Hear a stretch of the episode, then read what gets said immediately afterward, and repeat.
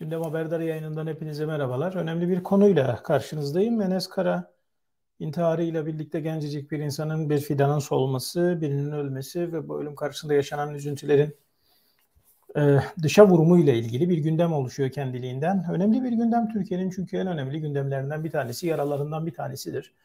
O da ideolojik kamplaşmalar ve kutuplaşmalarla birlikte ele alınan yasakçı zihniyetler, yasaklı anlayışlar. Bununla birlikte tabii ki çok ciddi anlamda e, birçok anlamda geride kalmış olan ya da insanların mevcut düzende, mevcut sistemde, modern çağda kendisini yenileme, yenileyemeyen anlayışların e, çağ dışı diye tabir edilen o anlayışların ki çağ dışı anlayış ve ifadelerinin de kendi içerisinde bazı tutarsızlıkları var. Çağa taşınmış olan bir ideoloji zaten çağın içine girmiş demektir. Neyse İşin özeti bütün bunların tamamından, toplamından çıkan toplumsal bir kangren karşımızda duruyor. Bu buna verilen tepkiler e, ve de bu tepkilerin neticesinde beklenen siyasi bazı değerlendirmeler karşımıza çıkıyor ve siyaseten bir noktaya insanlar savrulmuş oluyorlar. E, tarikat ve cemaatlerin yurtlarının kapatılmasından tarikatlerin ve cemaatlerin kapatılmasına kadar birçok şey, birçok konu ele alınıyor ve şu an muhalif olarak AKP'nin karşısında bulunan bütün muhalif cereyanların ve bütün muhalif kesimlerin ortak bir noktada hareket ettikleri ve o ortak hareket noktasında da tarikat ve cemaatlerin kapatılmasına yönelik açıklamalar yaptıkları görülüyor. Şimdi daha size iki hafta önce Erdoğan'ın bütün bu seçimlerin tamamını din savaşları üzerinden yürüteceğini ve dinden başka elinden hiçbir şey olmadığını, başka bir şey kalmadığını söylemiştim. Ee, biraz e, bu, bu doğrultudan bakıldığı zaman, siyaseten bakıldığı zaman ısrarla ve şiddetle Erdoğan'ın ekmeğine yağ sürülecek şekilde bir politika belirlendiği görülüyor. Tarikat ve cemaatler kapatılma sorusu kendi içerisinde bir paradoks. Zaten tarikatlar Türkiye'de kapatılalı çok oldu. Kapatılmış hali bu zaten. Yani tarikatların, cemaatlerin yasaklanmış, kapatılmış hali bu zaten. Bütün yasaklar radikalizmi kendi içerisinde birlikte getirir, birlikte doğurur. Tarikat kült demek, kült. Yani tarikatlar, yollar, yöntemler bunlar seküler ya da dini olsun önemli değil. Bunlar kültlerden oluşuyorlar. Siz eğer e, bir yapıyı, bir ideolojiyi yasaklamaya kalkarsanız o ideolojinin mensuplarını tamamen zihinlerinden, beyinlerinden o ideolojiyi çekip alamazsınız. Alamıyorsunuz. Öyle olunca merdiven altına iniyorlar, yer altına iniyorlar. Kapalı hale geliyorlar. Şeffaflıktan tamamen uzak hale geliyorlar kendilerince kendi iç mekanizmalarını ve örgütlenme biçimlerini daha radikal bir ölçüde kuruyorlar ve işte tarikatlar doğuyor, kült doğuyor. Şeffaflaştıramadığınız sürece, toplumun içerisine sokamadığınız sürece, toplumda görünür kılamadığınız sürece her düşüncenin, her fikrin, her ideolojinin, yasaklanan her şeyin başınıza bir kült olarak döneceğini ve radikalizmin de temel dinamiği olduğunu unutmamanız gerekiyor. Başınıza bir bela olacağını unutmamanız gerekiyor. Bugün teklif edilen şeylere gelince denetlenmesinden yasaklanmasına kadar bütün bunların hepsi zaten yapılmış, zaten denenmiş. Çok çok fazla böyle şeye gerek yok. Hani çağ dışı bir düşünce aranıyorsa size çağ dışı bir düşünceden örnek vereyim. İkinci Selim döneminde 19. yüzyılda zaten Meclisi Meşayih diye denetime açık olması kaydıyla tarikatlerin denetime açılması hususu zaten gündeme getirilmiş, zaten uygulanmış, zaten başarılı olunamamış.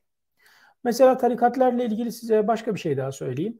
Abdülhamit II. Abdülhamit ile II. Mahmut aslında dönemin tarikat yapılanmalarına ve örgütlenme biçimlerine en çok karşı gelen padişahlar olmalarına rağmen ve böyle adımlar atmasına rağmen bugün muhafazakar kesimin en çok sahiplendiği padişahlardı. Kayım olarak atamış olması bir süre sonra bu defa devlet içerisinde Nakşi, Nakşibendilik ekolünün ciddi oranda etkili olmasına neden olmuş. Devam ede gelen bir geleneğe dönüşmüş bu. Tarikatlere gelince tarikatlar, tarikatlar zaten yasaklandı. Zaten yasak. Tarikatlar zaten kanuna göre, resmi kanuna göre zaten yerleri yok ve devlette herhangi bir temasları, bir şeyleri yok. Bunları devlet denetlemeli ya da devletin güdümünde olmalı bütün bunlar dediğiniz zaman da o zaman karşınızdaki devlet şöyle bir devlet. Bu devletin tanımına gelmeniz gerekiyor. Karşınızda zaten sizin derin devlet mekanizmalarıyla bütünleşmiş bir devlet yapısı ortaya çıkıyorsa ve bu devlet toplumsal mühendislik yapmaya kalkıyorsa bu devlet özgürlükten tamamen uzak politikalar takip ediyorsa, bu devletin kendi asıl hiyerarşisi sadece devlete hakim olan küçük azınlık grupları beslemek üzerine inşa edilmişse ve böyle ilerliyorsa ters teper. Devlet çok daha güçlü olmuş olur. Elinizdeki canavarı daha da güçlendirmiş olursunuz bu yapıyı. Dolayısıyla buna bir çözüm önerisi getirmek için bu yasaklanmalı anlayışının baştan sona bir gözden geçirilmesi gerekiyor.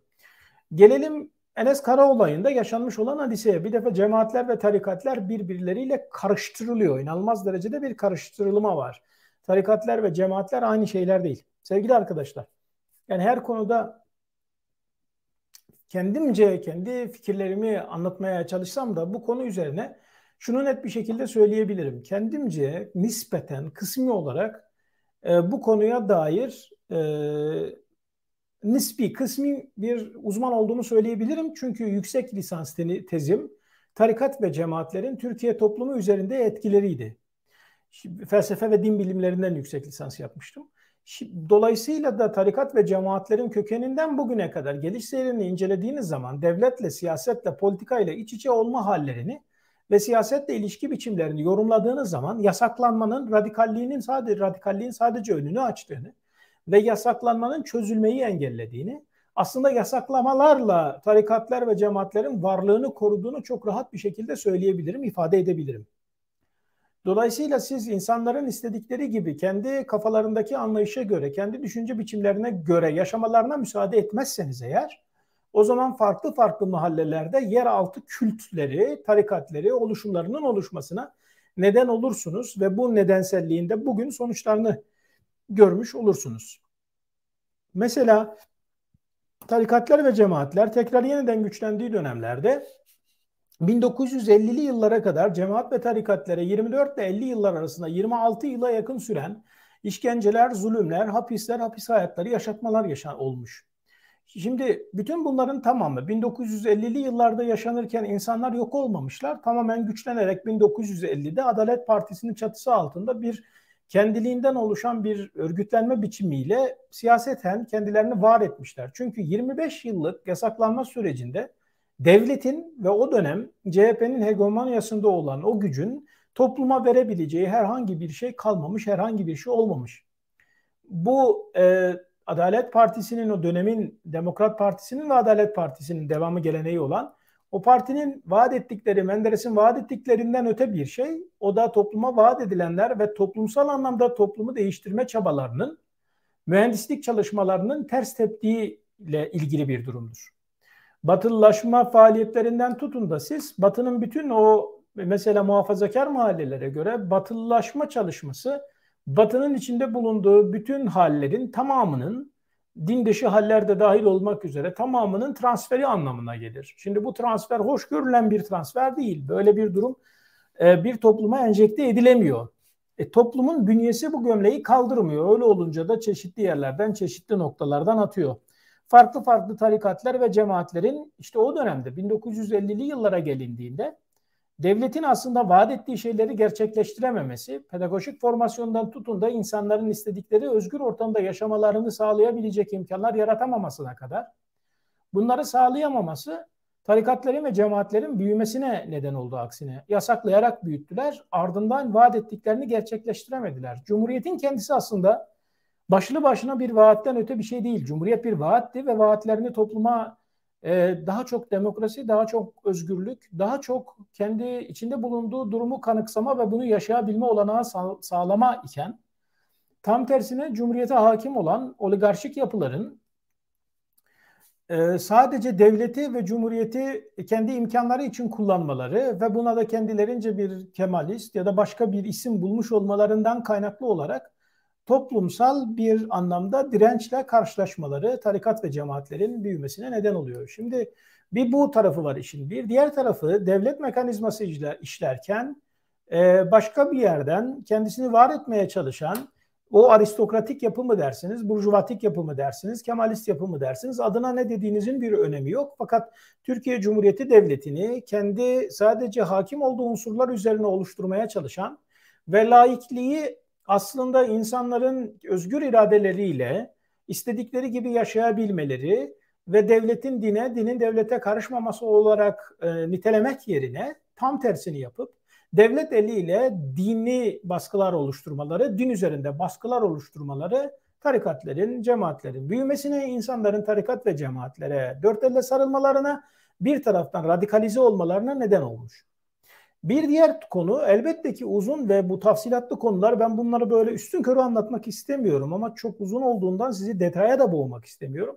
Bir diğer önemli mesele de o dönemlere baktığınız zaman ironik bir durumla karşılaşır bu devlet geleneği. Zira devletin varlığını devam ettirebilmesi için kendilerince devlete biat edecek olan devletçi gelenekten gelen nesillere ihtiyaç duyarlar. Tarikat ve cemaatler aslında bir yönüyle hükümetin ve devletin içerisine işine karışmamaları ve asayişe tabi olmaları, e, kendi ifadeleriyle söyleyeyim, tırnak içerisinde söylüyorum, devlete karşı gelmenin tamamen isyan etmenin, itiraz etmenin, protesto kültüründe olmanın tırnak içerisinde anarşizm olarak kabul edildiğini, dolayısıyla da anarşizm karşısında devletin yanında yer alacak yapılara ihtiyaç duyar hale geldi. Öyle olunca hani Yeşil Kuşak Projesi diye tanımlanan işte solun ve komünizmin Türkiye'de yayılmasının önüne geçmeye çalışan, dolayısıyla da Rusçu bir ekolün Türkiye'de yerleşmesine müsaade etmeyen gibi tanımlanan.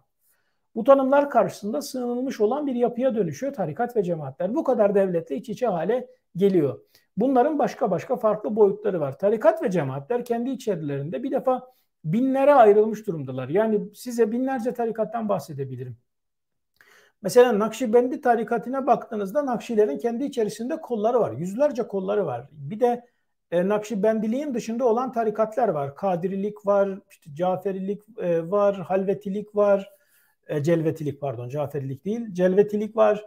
E, bütün bu tarikatların tamamı da bir tek bünye içerisinde hareket etmiyorlar. Bunların tabii farklı farklı mekanizmaları var, farklı farklı düşünce biçimleri var. Cemaatlere gelince kendilerini tarikatlardan tamamen ayrı tutuyorlar. Mesela bugün e, diyelim ki Enes Kara'nın ölmüş olduğu o yapıya baktığınızda sanki bir yapı var ortada ve ısrarla anlatılmıyor. Hayır o yapı nurculuk yapısı. E, ve nedir o nurculuk yapılanması ve nasıl oluşmuş? Yine baskılarla oluşmuş olan bir yapının kendisini radikalize etme biçimiyle oluşmuş. Bu radikalizm şiddete başvurma anlamındaki bir radikalizmden değil, kendi inançlarının kendisinde doğmatizme neden olan bir radikalizmden bahsediyor. Mesela işte Said Nursi'nin kitaplarından başka hiçbir kitap okumamaları ve Said Nursi'nin kitaplarını Kur'an'ın tefsiri olması yönüyle bakıp kutsamaları bir dogmatik düşünceye dönüşüyor. Mesela Said Nursi'yi onlar için şey anlatayım ben size. Bu nurcu yapılanmadan biraz bahsedeyim ve Enes Kara'nın ölümüne giden e, aşamalardan biraz bahsedeyim size. E, nurcu yapılanmalar kendi içerisinde nasıl ki diğer tarikat ve cemaatler farklı farklı yapılardaysa nurcu yapılanmalar da farklı farklı kollerdeler. Ekollerdeler ve kollardalar. Bu kolların önemli bir bölümünü işte okuyucular diye tarif edilen kendileri kendilerini öyle tarif etmemekle beraber nurculuğun dışında kalanların onları okuyucular diye tarif ettiği sadece ve sadece e, Said Nursi'nin kitapları olan Risale-i Nurları okuyan bir kitle var. Bu okuyucu olarak tanımlanan kitle kendisini meşveret cemaati olarak tanımlıyor. Bunların da farklı kolları var. Mesela bunların içerisinde siyaseten birlikte de aynı zamanda işte din, dini işlerle beraber siyaseten de birlikte hareket edilmeli ve toplumun bu nurculuk ekolünün kısmen siyasetin içinde de yer olması gerektiğini ve demokratik değerlerle hareket edilmesini savunan ve bu yönüyle de siyasi bazı oluşumlarla e, dirsek teması değil doğrudan temasta olan ve bunu Adalet Partisi geleneğiyle devam ettirdiğini düşünen Yeni Asyacı grubu var. Diğer bir taraftan işte yazıcılar diye bir grup var. Bunlar işte yine Said Nursi'nin talebelerinden birinin Hüsrev Altınbaşak'ın ekolünden gelen ve sadece e, kitapları yazmakla o yazmayı da eski Osmanlıca harflerle yazmanın daha önemli olduğunu ve asıl meselenin e, o kitapların ruhunu korumak olduğunu, o ruhun da ancak Osmanlıca harflerle yazarak o eserleri ya da o ruhu, o tarikatı, o cemaati, o yapıyı kuvvetlendirmek ve güçlendirmek olduğunu savunan bir yazıcılar ekolü var. Bunlar çok azaldılar. Zaten yazma meselesi çok başka bir mesele ve kendi içlerinde gittikçe küçülerek bölündüler. Diğer konuya gelince nurcuların aslında okuyucular olarak tanımlanan ama meşveret cemaati olarak kendilerini tanımladıkları bir yapısı var. Bu meşveret cemaati toplantı cemaati demek. Meşveret toplanmak demek ve bunlar neden meşveret cemaati diyorlardı kendilerine?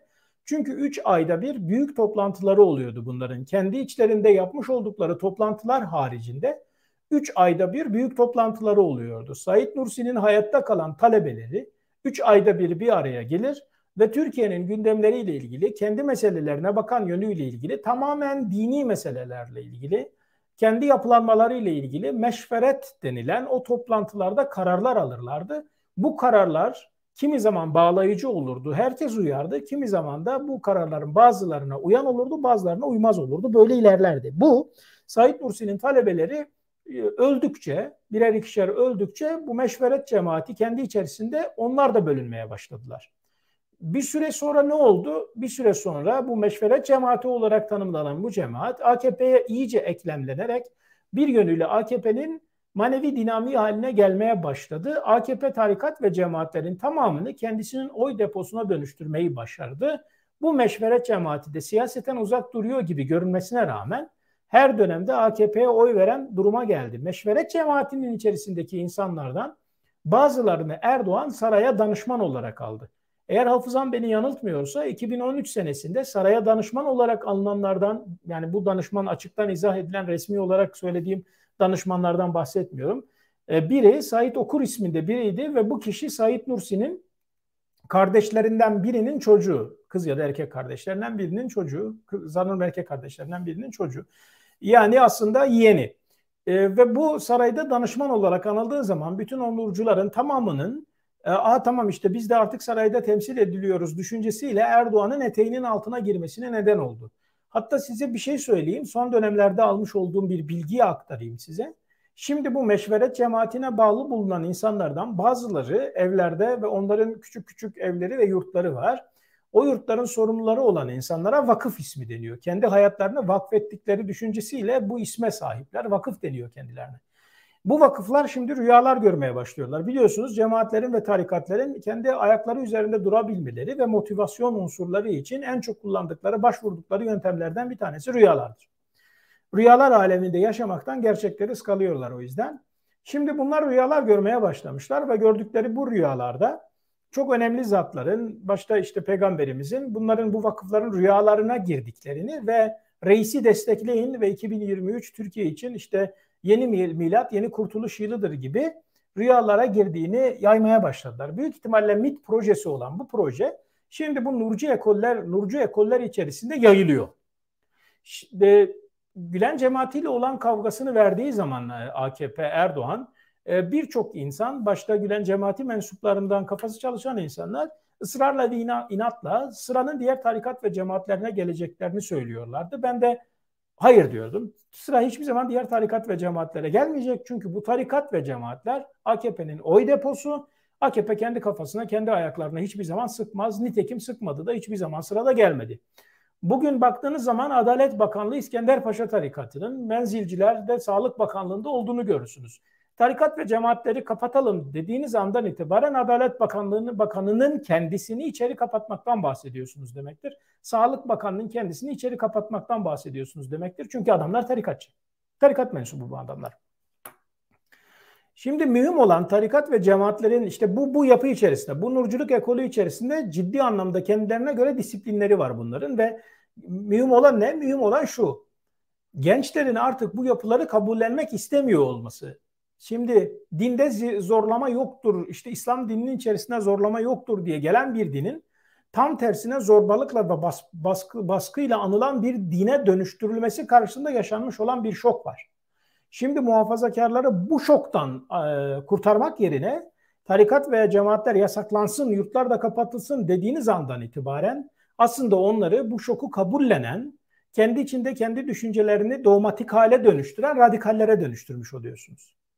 Ve bunun tehlikesinin farkında değilse eğer insanlar hiçbir yere bakmalarına, 2. Selim dönemine, 2. Mahmut dönemine, Atatürk dönemine falan bakmalarına gerek yok. Sadece 28 Şubat sürecindeki yaşanan dönemlere bakmaları yeterlidir. Seküler bütün kesimlere tavsiyem 28 Şubat sürecinin iyi okunmasıdır. Doğru Yol Partisi gibi, Ana Vatan Partisi gibi o dönem merkez sağ diye temsil edilebilecek o seçmenlerin tamamını Refah Partisi'ne monte eden, AKP'ye monte eden anlayış, düzen 28 Şubat sürecindeki yasakçı düzenden başka bir şey değildi. Bugün AKP'den koparılamıyor artık o merkez seçmen çünkü bununla korkutuyorlar AKP. Siz de bunların karşısında tarikat ve cemaatler yasaklansın gibi bir ifadeyle çıktığınız andan itibaren o zaman toplumun bir, bir yönüyle yüzde 60'ını 70'ini karşınıza alarak bir değişimden dönüşümden bahsetmiş oluyorsunuz. karşınıza alarak değişim ve dönüşüm gerçekleştirmenin imkansızlığını, olanaksızlığını 100 yıldır anlamadıysanız bir 100 yıl daha geçse yine anlamayacaksınız demektir. Yanınıza almadan dönüştüremezsiniz. Kimi yanınıza alacaksınız? Dinde zorlama karşısında din böyle değildir, din böyle olmamalıdır diyen muhafazakar ailelerden ve mahallelerden gelen özgürlüğü, demokrasiyi, hakkı, hukuku her şeyin üstünde gören ve benim dini yaşantım beni bağlar ve ben bu dini yaşantımı hiç kimseye empoze etmek zorunda değilim. Kimse de bana hiçbir şey empoze etmek zorunda değil diyen yeni kuşağı, yeni nesli dikkate almak durumundasınız. Sırtınızı döndüğünüz andan itibaren başımıza gelen neler olduğunu hep birlikte görmüş olduk. Dolayısıyla da bu insanlara sırt dönülmeyecek. Bu insanların yüzüne bakılacak ve ne anlatmaya çalışıyorlar bunlara bakılacak. Şimdi sabahtan şimdi yurtlar kapatılsın diye başlanıyor. Oysa ki Enes Kara'nın kaldığı yer yurt değil. Zaten cemaat ve tarikatlarının çoğu size ilginç bir şey söyleyeceğim şimdi. Özellikle cemaatlerin birçoğunun yurdu yoktur. Küçük küçük evleri vardır. Ve bu evlerde beşerli onarlı kalırlar. Adına da medreseler verir, adı verilir. Zaten Nurcu ekollerinin tamamının neredeyse yurdu yoktur. Toplu bir yerde kalacak böyle çok büyük yurtlar yapmazlar. Küçük küçük evlerde kalırlar. Dolayısıyla siz bu evlerin tamamını kapatalım, hepsini takibe alalım gibi bir anlayışın içerisine girdiğiniz andan itibaren zaten devlete bütün alanların tamamına dokunma imkanı sağlamış olursunuz. Hem devleti inanılmaz derecede güçlendirirsiniz hem de bu yapılar merdiven altlarına inmeye başlarlar ve kontrol edemezsiniz. Kontrol dışına çıkıp radikalleşirler. Dolayısıyla da zaten karşımızdaki durum öyle basit bir şekilde o yasaklansın bu yasaklansın diye olabilecek bir durum değil. Eğer bu yurtlarda ve bu evlerde yetişen insanların intihara sevk edilmeyecek kadar baskı altında yaşıyor olmaları kapatılma sebebi ise o zaman insanlar bu baskıdan hareketle devlet yurtlarındaki intiharlardan ya da işte yetiştirme yurtlarındaki intiharlardan bahsedip onu ona emsal gibi getirip domatesle patlıcanı karşılaştırmaya başlarlar ve bu işin içerisinden hiçbir zaman çıkılamaz. Son dönemlerde özellikle son 20 yılda gelmekte olan kuşağın imam hatiplileştirilmeye çalışılması, radikalleştirilmeye çalışılması, İslamcı, e, siyasal İslamcılaştırılmaya çalışması karşısında bütün bu kitlerin, kitlenin, bütün bu 20 yıllık kuşağın buna direnmesi ve kendi anne babasıyla aynı fikirde olmaması, inanıyor olmasına rağmen, Allah'ı kabul ediyor olmasına rağmen, dini kabul ediyor olmasına rağmen dinin temelde tek referans olmasını kabul etmemesi karşısında oluşmuş olan bu kitleyi eğer iterseniz, eğer geri planda bırakırsanız o zaman bir 100 yıl, 200 yıl, 300 yıl daha geçmesini beklemek zorunda kalırsınız. Geçmez de. Peki bunları itmek ne anlama gelir? Bunları itmek e, yasaklamak anlamına gelir. Yasaklarım dediğinizde, ortadan kaldırırım dediğinizde bunları itmiş olursunuz. Denetleme mekanizmasına gelince bir denetleme iki şekilde olur. Zorbalıkla baştan devlet eliyle olur. İkincisi ikinci denetleme pedagojik formasyonla olur. Eğer siz imkanları inanılmaz derecede iyi hale getirirseniz, insanlara alternatifler sunmaya başlarsanız, bu sunulacak olan alternatifleri de garanti altına almış olursanız, insanların istedikleri özgür hayatı yaşayabilme imkanı sağlayabilirseniz, politik olarak ve devlet mekanizmasını da bu politika üzerine belirleyerek yani özgürlükler üzerine belirleyerek yapabilirseniz o zaman bu insanlar daha demokrat, daha özgür düşüncelerle baskı altından kurtularak istedikleri hayatı yaşayarak seküler ya da seküler olmayan bütün yapıların da birbirleriyle ilişkisini, mayasını sağlayan bir yapıya dönüştü, dönüşebilirler. Bu da önemli bir durumdur ve bunun da değerlendirilmesi gerekir. Bunun da kaçırılmaması gerekiyor. Bunun da bir fırsat olarak ele alınması gerekiyor. E, temel problemimiz bizim doğmatik mahallelerin tamamının başında bulunan insanların ya da içinde bulunan insanların kendi fikirlerini, kendi ideolojilerini, kendi değerlerini e, bütün diğerlerinin tamamının üstünde görmeleri, farklı görmeleri ve ve insanların tamamını ona dönüştürme eğer dönüşemiyorsa da yok etme kafasında olmalarıdır. Temel problem de budur e, sadece muhafazakar kesime değil, seküler kesimin içerisinde demokrasiyi, hukuku, özgürlüğü savunduğunu söyleyen insanlara da demokrasinin ne olduğu, özgürlüğün ne olduğu, bireyselliğin ne olduğu çok güzel bir şekilde anlatılmalı. Ee, ve ancak hepimizin bu pedagojik formasyondan geçerek ulaşabileceği bir değer ortaya çıkarsa Türkiye'nin düzeye çıkacağını düşünüyorum. Peki e, bütün bunlar oluyor da tarikat ve cemaatlerin hiç mi suçu yok? Kabahatleri çok. İnanılmaz derecede fazla. Mesela dini zorbalık bir e, unsura dönüştürmeleri. E, Kur'an'da hükümler çok açık ve belli olmasına rağmen işte, işte dinden çıkanın öldürülmesi gerektiğini söyleyen ve işte buna yönelik hadis olup olmadığı bile hatta tartışılan hatta birçok ilahiyatçıya göre bunun hadis olmadığı söylenmesine rağmen bunun sanki Kur'an'ın bir hükmüymüş gibi aksatmaya e, aksetmeye çalışan ve zorbalık aracına dönüştürülen din karşısında İslam fıkhının yanlış yönlendirilmesiyle bugün aslında fırsat bulduğunda, bulduğunda Talibanizme dönüşecek olan radikal bir düşünce anlayışıdır bu. Eğer siz bunu diye dayatmaya çalışırsanız insanları Müslümanlaştırmazsınız, insanları İslam'dan uzaklaştırırsınız. Bugün uzun zamandan beridir işte şey hep dönüp bakabilirsiniz. Arabistan'a, diğer ülkelere, hatta İran'a falan bakın 40-50 yıldır İslami esaslarla yönettiklerini söyleyen bu insanların toplulukları, toplum ne kadar Müslüman, ne kadar Müslüman değerlerle yaşıyor. Bu baskının ters teptiğinin en belirgin özelliğidir. Baskılar ters teper. Bu da tarikat ve cemaatlerin kendi yapılarıyla ilgilidir. Onlar da dini baskılar yaparak elde tutmaya çalıştıkça insanları kaybedecekler. Bir de Enes Kara olayından e, hareketle şunu söyleyelim. Tarikat ve cemaatlerin yapıları çok fazla tartışılıyor. Fakat unutulmaması gereken bir şey var. Enes'in oradaki feryatlarından bir tanesi de düpedüz üniversite eğitimiyle ilgili olan feryadıydı. Tıp fakültesindeki baskılardı. Tıp fakültesi öğrencilerine kulak verin. İlla ki bu öğrencilerin cemaat ve tarikat evlerinde kalıyor olmasına gerek yok. Bunların seküler mahalleden, seküler ailelerden gelen çocuklara da kulak verin. Bakın ne söyleyecek bu insanlar size. Bu gençlerin hayat hakkını, enerjisini tüketmeye kimsenin hakkı yok. Eğitim sisteminin çarkının da gözden geçirilmesi gerekiyor.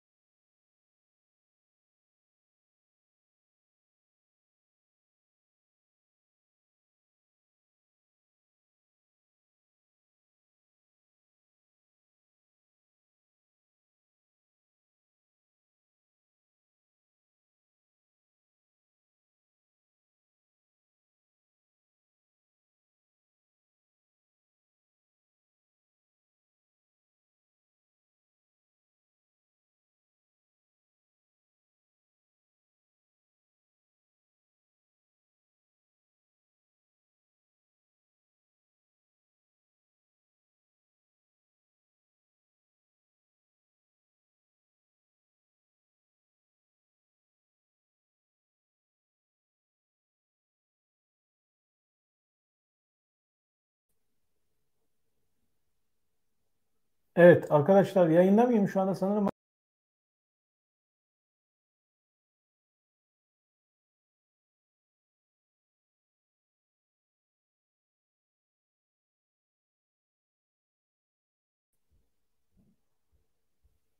Tekrar merhaba. Yayın dondu herhalde az önce. Yayından koptum ya da bir şekilde. Geldi gitti. Şu anda nedir durum? Biriniz yazabilir mi? Şu an mesela durum ne? Görüyor musunuz beni arkadaşlar şu anda? Evet. Geldi. Peki. Yok, bir de olayı yoksulluğa bakan tarafı söyleniyor. Şunu kabullenmek gerekiyor. İnsanlar kendi özgür iradeleriyle zengin olan ailelerin çocukları da çocukları da zengin olan ailelerin yetişkin çocuklarından bahsediyorum. 18 yaşından büyük olan çocukları da e, kendi dini anlayışlarına göre yerlerde kalmak istiyorlar. Ve bunu sadece yoksullukla izah etmeye çalıştığınız zaman size devlet başka şeyleri de getirip önünüze koyabiliyor. Mesela Kürtlerin haklı talepleri karşısında bütün bu taleplerin tamamının ekonomik yoksulluktan kaynaklı olduğunu söyleyen 40 yıldır bu doktrini kafamıza yazmaya çalışan bir devlet geleneği de var, bir anlayışı da var. Dolayısıyla mevzu sadece yoksulluk da değil. Elbette ki yoksul ailelerin çocukları kendi çocuklarını okutmak için tarikat ve cemaat yurtlarına çocuklarını vermek zorunda durumunda kalıyor. E, ya da e, bunu ama bilmemiz gereken asıl gerçek, bundan da daha önemli gerçek Enes Kanar'ın da ailesinde olduğu gibi aile fakir falan değil. Fakirliğinden ötürü de bırakmış değil. Aile baskısı söz konusu. Fakirlikten ve yoksulluktan daha da önemli olan bir konu var. O da aile baskısının söz konusu olması. Şunu unutmayın. Enes Kara'nın babası her kimse tarikat ve cemaatlerin yasaklandığı bir ortamda büyümüş biri. Tarikat ve cemaatler yasaklanmış olmasına rağmen kendi cemaatine radikal derecede bağımlı ve oğlunun hiçbir hakkına, hiçbir özgürlüğüne, hiçbir hukukuna riayet etmeyen bir adama dönüşmüş durumda. Bu da bir gerçek. Adam fakir falan değil. Fakirlikten ötürü vermiş değil oraya zaten. Çocuğunu dinlemiyor. Muhafazakar ya da seküler. Bütün ailelerin neredeyse tamamının, Türkiye'deki ailelerin neredeyse tamamının en temel problemi baskıcı aile olmalarıdır. Çocuklarını çok inanılmaz derecede baskılamalarıdır. Dikkate almamalarıdır. Bir değer atfetmemeleridir onlara. Ve baskıcı bir ortamda büyümelerine müsaade et, daha doğrusu baskıcı bir ortamda büyütmeleridir. Seküler aileler, Kemalist bir ailenin çocuğunun bir örnek vereyim, verelim. Herhangi bir cemaate mensup olduğunu ya da bir bir cemaate, bir tarikata bağlı olarak hayatını devam ettirmek istediğini söylese aile ne tepki verir mesela? Nasıl bir durumla karşılaşılabilir? Ateist olduğunu gizlemek zorunda kalan muhafazakar bir ailenin çocuğundan olduğu gibi dindar olduğunu gizlemek zorunda kalan seküler ailelerin çocukları da yok mu? Temel mesele işte bu özgürlüğün, e, demokratik değerlerin, hakkın, hukukun ve bireyselliğin tam anlamıyla ailelerin içerisinde olmak kaydıyla topluma yerleşmemesi meselesidir. Bu temel mesele çözülmeden e, bu tip olaylar sürekli karşımıza çıkacak ve yaşanacak olaylara dönüşecek maalesef. İşin özeti bugün bütün bu olaylardan hareketle e, eğer kalkıp tarikat ve cemaatler kapatılsın, kökü kazınsın, şöyle olsun, böyle olsun gibi şeyler söylerseniz bilin ki bunu söyleyenler için söylüyorum. Üç kuşaktır bunu söylüyorsunuz. Babalarınız da söyledi, dedeleriniz de söyledi, söyleyen söyledi ama bu yasakların hiçbiri çare değil, hiçbiri çözüm değil. Bırakın insanlar özgür iradeleriyle, özgür iradenin ısrarla altını çiziyorum, özgür iradeleriyle istedikleri gibi yaşasınlar ve bu yaşamada elbette ki kanuna, nizama tabi tutulacak şekilde olabilir. İnsanların hayatlarına karışmayı, yasaklamayı değil, özgürleştirmeyi, önlerini açmayı tercih edin. Sırtınızı dönmeyi değil, yüzünüzü dönmeyi tercih edin. Konuşmamayı değil, yok saymayı değil, yobaz ve gerici diye yaftalamayı değil, tam tersine yanlarında oturmayı, anlamayı, birlikte meseleyi çözmeyi tercih edin. O zaman size kapınızı açacak olan, yüzünüze bakacak olan ve sazı sözü olacak olan ve sizi dinleyecek olan ve sizin tarafından dinlenecek olan o kadar büyük kitlelerle karşılaşacaksınız ki siz bile şaşıracaksınız. Bu Türkiye'nin gerçeğidir aslında. Ben ısrarla ve inatla şunu söylüyorum. Mesela seküler yapılanmaların tamamı şeriatın geleceğinden korkarlar. Ben de ısrarla ve inatla gelmeyeceğini söylerim. Çünkü muhafazakar mahallenin şeriat istemediğini biliyorum. Ama onlar bilmiyor, bilmek istemiyorlar. Dönüp birbirlerini dövmeyi tercih ediyorlar. Tabii seküler yapılanmalar derken kendi içlerinde de yüzlerce yapılanmalardan bahsediyorum. Elbette ki elbette ki bütün bu genellemeler gibi görülen bu cümlelerim genellemeden tamamen uzak algılanmaları, algılanması gerekiyor ve kendi iç yapılanmasında demokrasiyi, özgürlüğü, hakkı, hukuku savunanların, fişlemeyenlerin, etiketlenmeyenlerin, yasakçı zihniyetle olaylara bakmayanların tamamının hakkını da onlara iade edelim. Elbette ki onları bütün bu konuşmaların dışından tenzih ederek bir kenara bırakıyorum. Ama bunun haricinde bilin ki toplumsal her baskı radikalizm olarak karşımıza çıkıyor ve her baskıdan nemalanan siyasi iktidarlar ve zorbalar tarafından 50 yıl, 30 yıl, 40 yıl, 20 yıl yönetilmek zorunda kalıyoruz. Bu zorunluluğu göz önüne alarak demokrasinin ve özgürlük alanlarının genişlemesi adına her kim hangi mahalledeyse kafasını o mahalleden çıkarmasını ortak değerlerde buluşmasını tavsiye ederim özetle. Bugünkü yayında burada noktalamış olalım arkadaşlar. Şimdi ben işe gideceğim. Siz de hayatınıza devam edin. Görüşmek üzere. Kendinize iyi bakın.